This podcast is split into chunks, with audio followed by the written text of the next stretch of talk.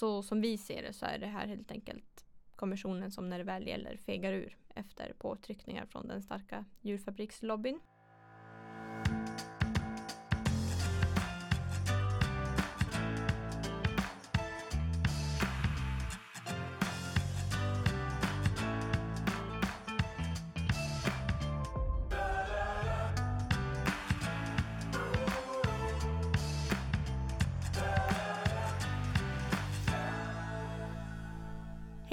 Varmt välkomna till Djurens Rättspodd på Djurens Sida. Jag heter Matilda Antti och arbetar som politisk sakkunnig hos Djurens Rätt. Med mig har jag Sebastian Wiklund, samhällspolitisk chef hos oss på Djurens Rätt.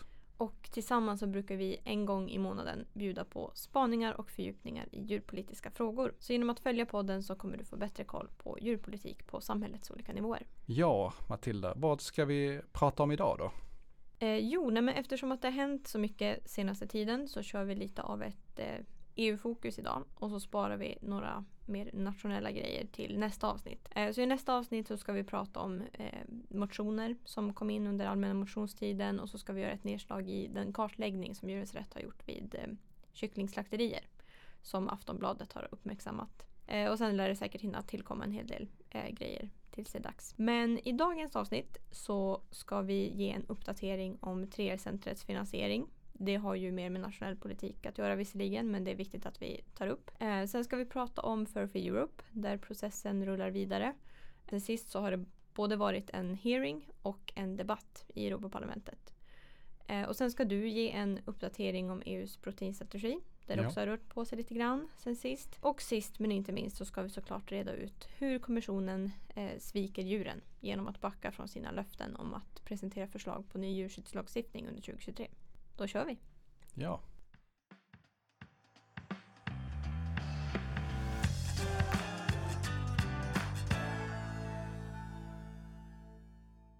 Ja men 3R-center och eh, vad som händer där. Bara en kort eh, sammanfattning för lyssnarna. Vi tog upp det här senaste podden också men kort om vad som hänt. Först och främst 3R-center kanske inte alla vet vad det är men det är ju ett eh, center där man, har, där man samlar kunskapen i 3R-frågor. 3R står ju för eh, engelskan Reduce, Replace, Refine om djurförsök då. Alltså minska eh, antalet djur i djurförsöken, eh, ersätta djurförsöken helt och hållet och också förfina de djurförsöken som görs. Men det vi såg och uppmärksammade var ju att i regeringens budgetproposition som lades fram här så hade man ingen finansiering utav 3A-centret. utan man skrev bara däremot om 3A-centret att det skulle finnas kvar. Och eh, vi gjorde ju bedömningen ganska snabbt att här blir bara ett papper kvar och eh, inga resurser. Så att det var ju, eh, det är ju illa att det är på det sättet. Och vi berättade också i förra avsnittet att vi då mejlade partiernas djurpolitiska talespersoner, tog kontakt med departement och gjorde vad vi kunde och drog också igång en namninsamling för att starta och visa upp det här engagemanget som finns i de här frågorna. Och eh, sedan sist då så har vi fått in nästan 15 000 namn Eh, så att det, visar att det finns ett stort engagemang i frågan. Vi har också sett att Jordbruksverket har varslat eh, 39 personer. Det är ett par poster som försvinner från Jordbruksverkets förslag till budget, därav 3R-center som de nämner. Så att det är så som vi har sagt tidigare och befarat att eh, folk kommer att behöva lämna sina jobb på 3R-centret för att det inte finns någon finansiering kvar. Ja men och det är ju väldigt illa detta här. Som det ser ut nu så kommer 3R-center bara finnas kvar på pappret och resten kommer i praktiken att begravas. Och det betyder ju att eh, Sverige kommer ju tappa kunskaper kring forskning för metoder som kan konkurrera ut eh, djurförsöken i framtiden. Också kunskaper för att minska lidandet ibland de djuren som används. Så det är verkligen illa. Mm. Och eh, vi har ju också sett att eh, miljöpartisten Rebecca Lemoine har eh, skrivit, gjort en skriftlig fråga till eh, minister Pe- Peter Kullgren, Mm. landsbygdsministern.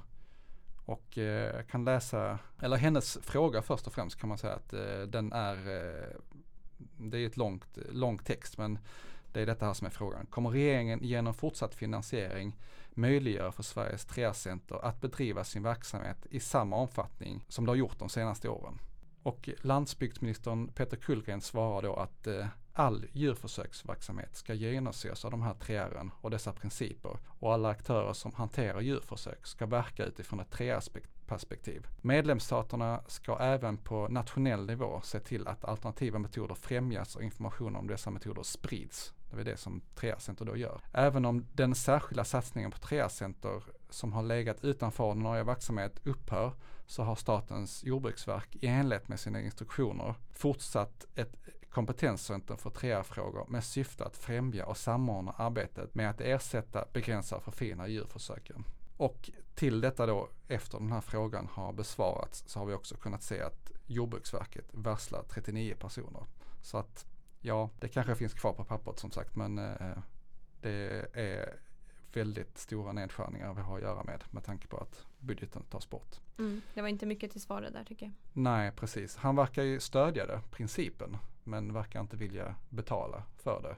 Mm. Och då mm. blir det svårt. Ingen jobbar ju gratis så att säga. Och oppositionspartierna har vi också tittat på och eh, det är lite vagt hur de har formulerat sig i den här frågan. Men vi kan åtminstone säga att V har, har en post som eh, man lägger på 3R-center för att finansiera då, en fort, eller för att då göra en fortsatt finansiering. Mm, de lägger 20 miljoner och vi kan säga att eh, tidigare så har 3R-centret fått 15 miljoner öronmärkt årligen. Mm.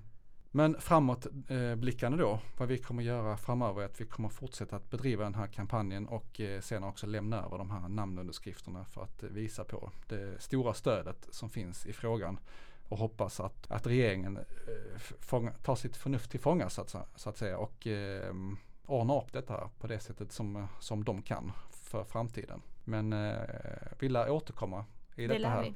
Ja.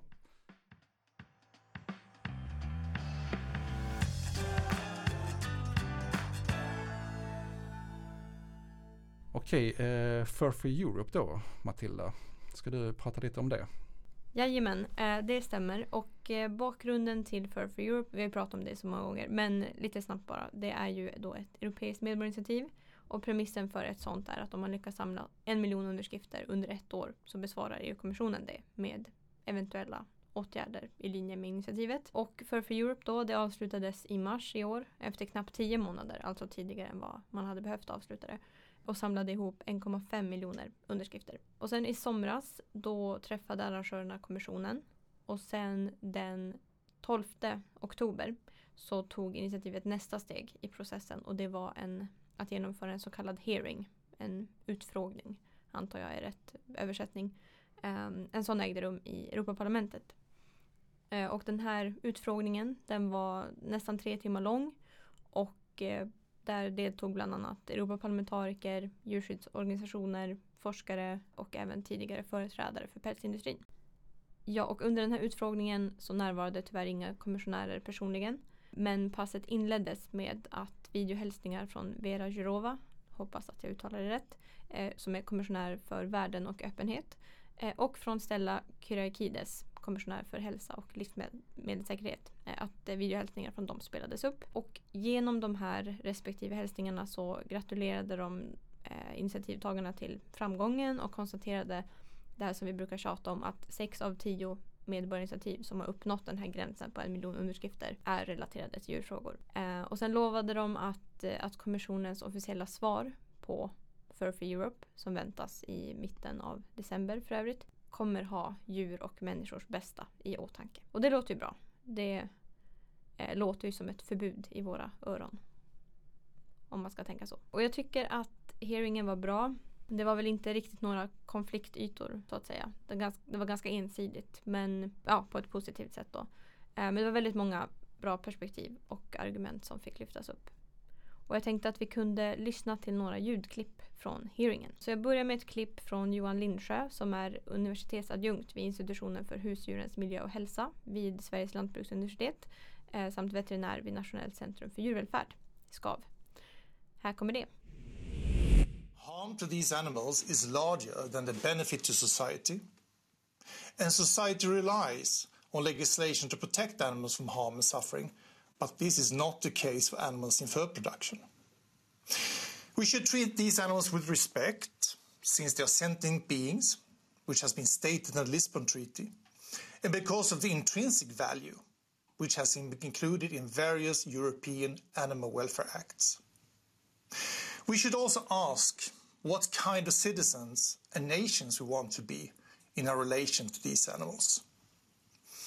None of the different ethical aspects above back up fur farming. Och här har vi ett klipp från Bo Algers, professor emeritus vid institutionen för husdjurens miljö och hälsa vid Sveriges lantbruksuniversitet. All about absolute welfare is about meeting the needs of the animals, allowing them to express the behaviors for which they are strongly motivated and uh, developed to uh, uh, survive in a biotope that the evolution has created them for. Ja, eh, bra perspektiv från de båda och eh, stark svensk repre representation.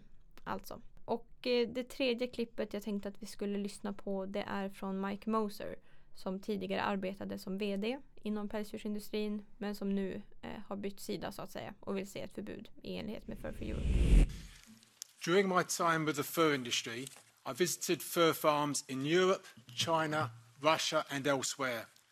And I want to dispel the myth that European fur farms represent a gold standard in fur farming, that animals bred for their fur in Finland, in Poland and elsewhere in Europe are in some way in some kind of privileged position as compared with those farmed, for example, in China, because they are not. The European foxes and mink, raccoon dogs and chinchilla are forced to live in the same squalid conditions, in the same tiny wire cages with wire mesh floors, condemned to live the same short, miserable lives as they are everywhere else. And so, having spent so many years working to defend the fur industry, it is now my strongly held view that as regards to protecting the welfare of these helpless animals, fur farming regulations have not worked and will never work. Mycket viktigt att eh, han var där. Han vet ju verkligen vad han pratar om så att säga. Så det, det kändes som att det vägde väldigt, väldigt tungt. Ja, och vi har haft eh, kontakt med Mike Moser tidigare. Eh, han har ju verkligen blivit eh, klok på äldre dagar så att säga. Så att det är verkligen intressant att lyssna på vad han har att berätta. Det ligger ute någonstans på YouTube men eh, det har vi haft. Mm, det är aldrig för sent att byta sida.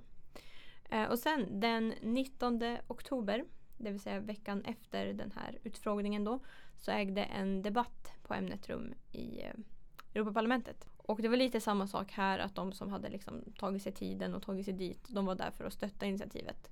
Eh, vilket såklart är bra. Men eh, ja, många bra inlägg dök upp där också. Och jag tänkte att vi kunde lyssna till ett från parlamentarikern Tilly Metz från Luxemburg som sammanfattade det väldigt väl. I stand with the citizens. Keeping and killing animals for the purpose of fur production and sale is cruel and unnecessary. Each year, around 37 million animals are killed for this business. Not only can animal welfare standards not be respected on fur farms, but fur farm is also posing a public health threat. Fur farms act as reservoirs for diseases, as we have seen during the COVID pandemic. Because of pollution and invasive species, fur farming also directly contributes to the decay of the EU's biodiversity and ecosystem. This is why we need to keep fighting for a coordinated phase out of production of sales and fur. For fur free Europe to become an official EU policy for the citizens, for the animals, for the environment. It is a shame also that the majority of the members of this parliament have voted against a resolution for free Europe ECI, even though more than a million of EU citizens have called for a ban on fur. Let's ban fur farming. Thank you. Grazie. Ja, och eh, under plenarveckan då i Strasbourg så togs även tempen kring en resolution om Fair for Europe. Eh, och det är ju någonting vi verkligen vill se. Alltså att frågan kommer upp i plenum och att samtliga parlamentariker får rösta ja eller nej eller avstå. Eh, så man ser vart de står. Och en sån gjordes ju med initiativet End the Cage Age. Och där ställde sig en överväldigande majoritet bakom. Vilket skickade en väldigt stark signal till kommissionen att ett förslag i linje med initiativet skulle tas emot väl av parlamentet. Men det blir däremot ingen sån omröstning då detta inte såg ut att landa väl. Så när, den här, när man tog tempen då så att säga, då röstade 227 personer nej, eh, inklusive nio svenskar. Eh, och de här nio svenskarna, eh, från Socialdemokraterna så har vi Karina Olsson, Helene Fritzon och Ilan de Basso. Och från Centerpartiet Emma Wiesner och Abir Al-Salani. Från Moderaterna Thomas Tobé och Jörgen Warborn. Från Kristdemokraterna Sara Skyttedal och från Sverigedemokraterna Charlie Weimers. Det var tråkigt, väldigt synd såklart. Det är ingen överraskning att de här partierna inte har tagit ställning mot eh, pälsdjursfarmning på nationell nivå. Men det är klart att vi hade hoppats att man skulle resonera annorlunda när det gäller ett beslut på EU-nivå. Mm. Ja, absolut. Och eh, ja, som vi ser det så ett förbud eh, i linje med Fur for Europe är enda vägen framåt här. Vi vill absolut inte ha någon välfärdsmärkning eller, eller så. Det, det är bara svammel i det här sammanhanget och det är ingenting som det är ingenting som kommer förbättra djurens välfärd och det är inte eh, ett rättfärdigat svar på det här medborgarinitiativet. Det är inte det vi ber om. Så vi hoppas på ett förslag om förbud när kommissionen återkopplar på förslaget i december.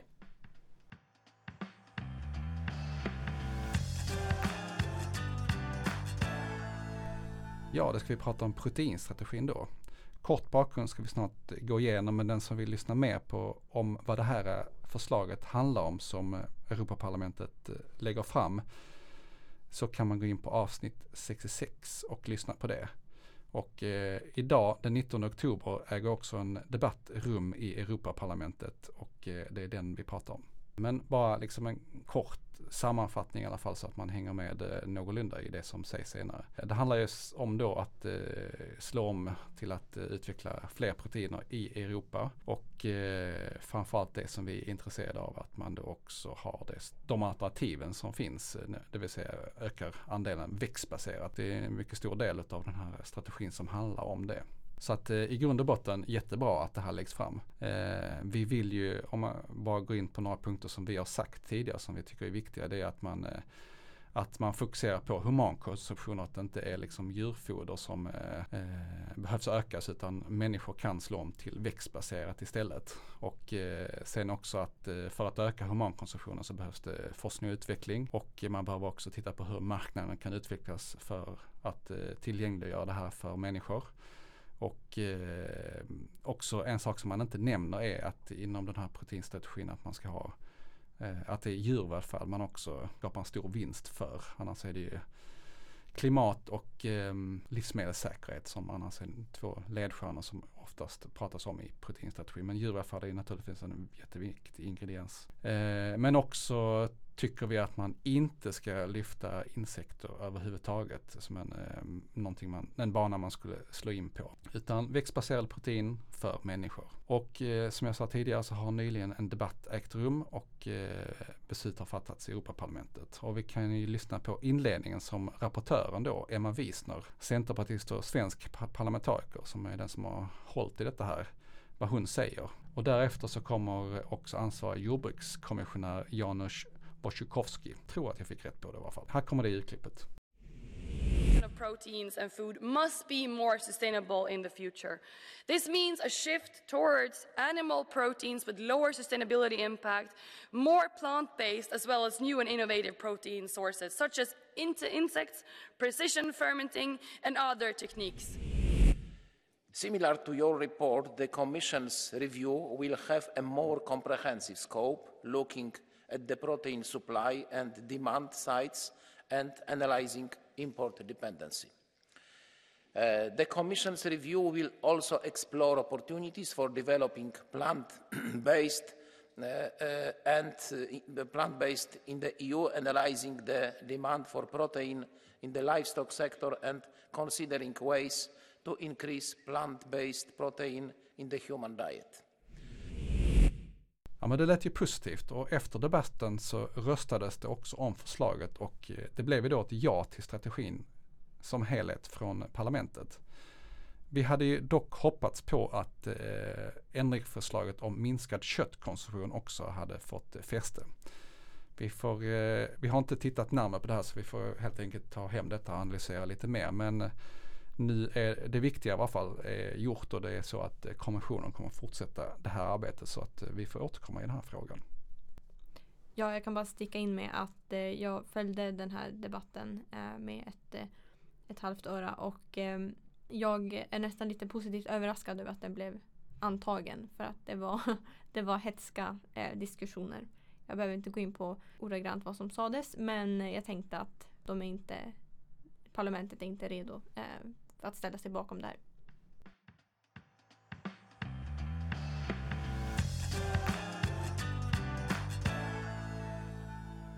Ja, då har det blivit dags för den tråkiga eh, nyheten som vi ska försöka ta oss igenom här tillsammans.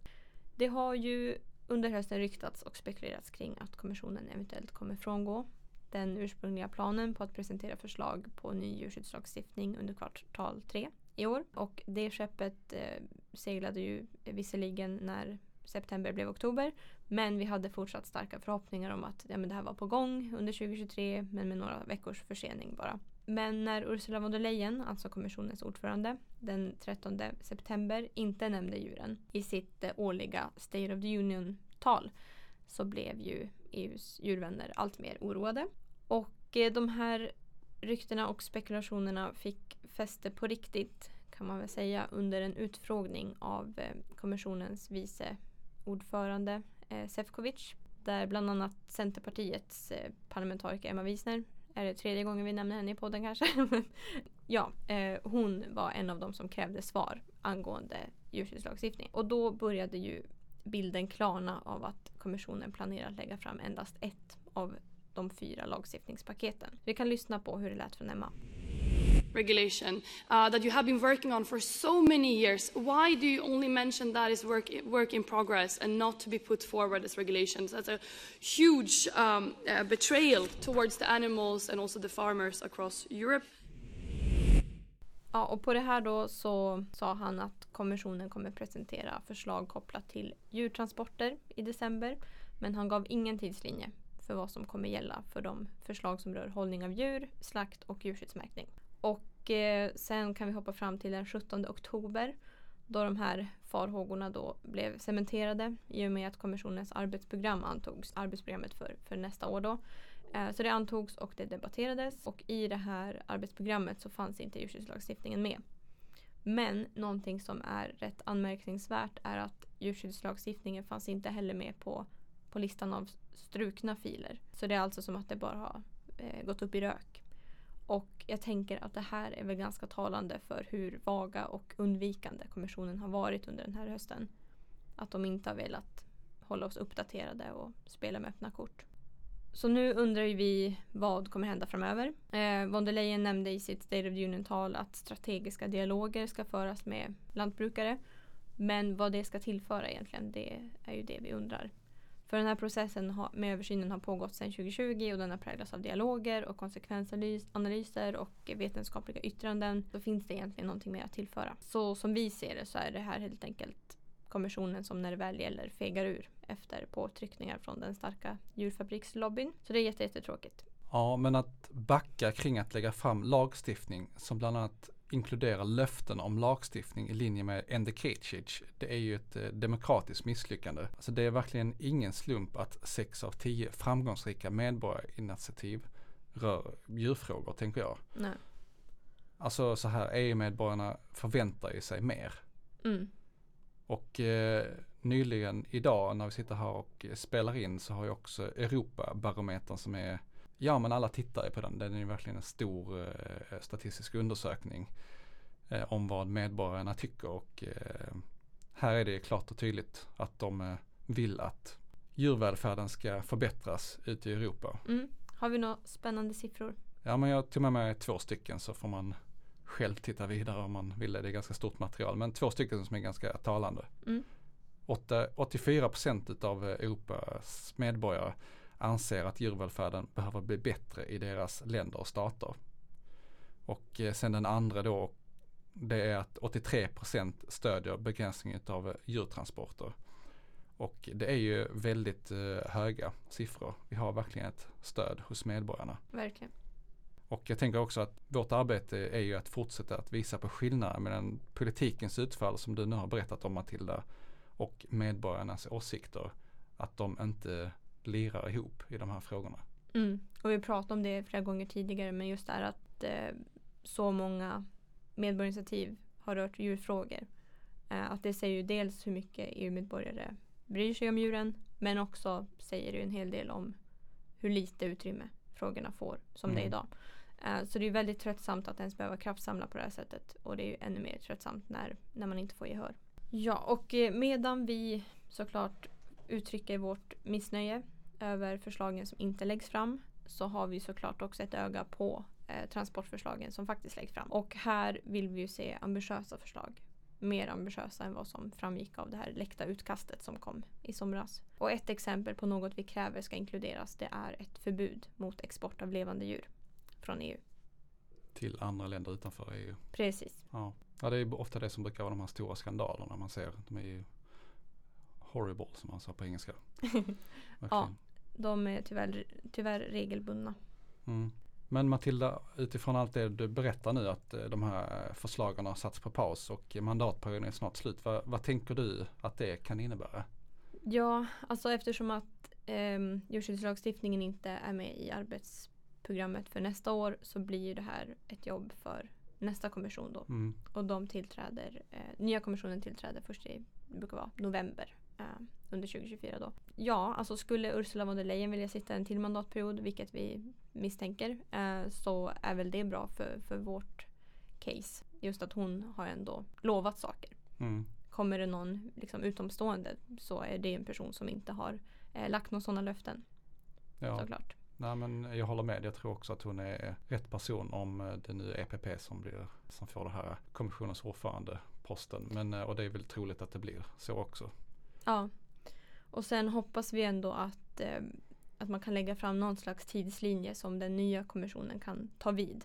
Eh, sen behöver de inte leverera på den tidslinjen. Men då blir det liksom en högre tröskel för att plocka bort det. Mm. Eh, så att det är någonting vi kommer fortsätta jobba för att den här kommissionen ska leverera på. Och det är väldigt viktigt också att det här sker ganska snabbt för att om det dröjer för lång tid så måste man liksom göra om vissa grejer med så konsekvensanalyser och så vidare. Så ja, det kan ta väldigt lång tid. Ja men sen tänker jag, ytterligare en sak är att eh, vi inte ska glömma Europaparlamentet. Det är ett eh, val här nu mm. nästa år också. Och eh, det finns ju, ja, om det här sätts på paus så blir det ju verkligen en anledning för oss att driva de här frågorna mycket hårt. Att vi har både medborgarinitiativ, ett par stycken som styrker vår våra frågor och eh, vi har utredningar och vi har en alldeles föråldrad lagstiftning på plats nu som verkligen bör förbättras. Vi har liksom alla alla möjligheter till att driva fram den här frågan så hårt vi kan under valet och jag tänker det är vår chans att, att göra så att frågan blir, eh, blir hörsammad. Precis, det är nästa Europaparlament som kommer vara de som förhoppningsvis då driver igenom det här så att mm. vi ska jobba hårt för att de ska vara så djurvänliga som möjligt, de som sitter där. Precis.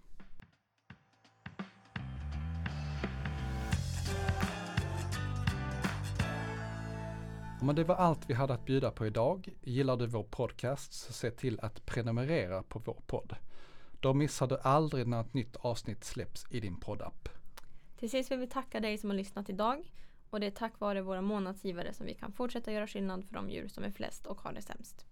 Och vi behöver din hjälp mer än någonsin så gå in på djurensrätt.se och bli månadsgivare idag. Och vill du som lyssnar tycka till om podden eller komma med önskemål på ämnen eller gäster så mejla oss gärna på podcast.djurensrätt.se.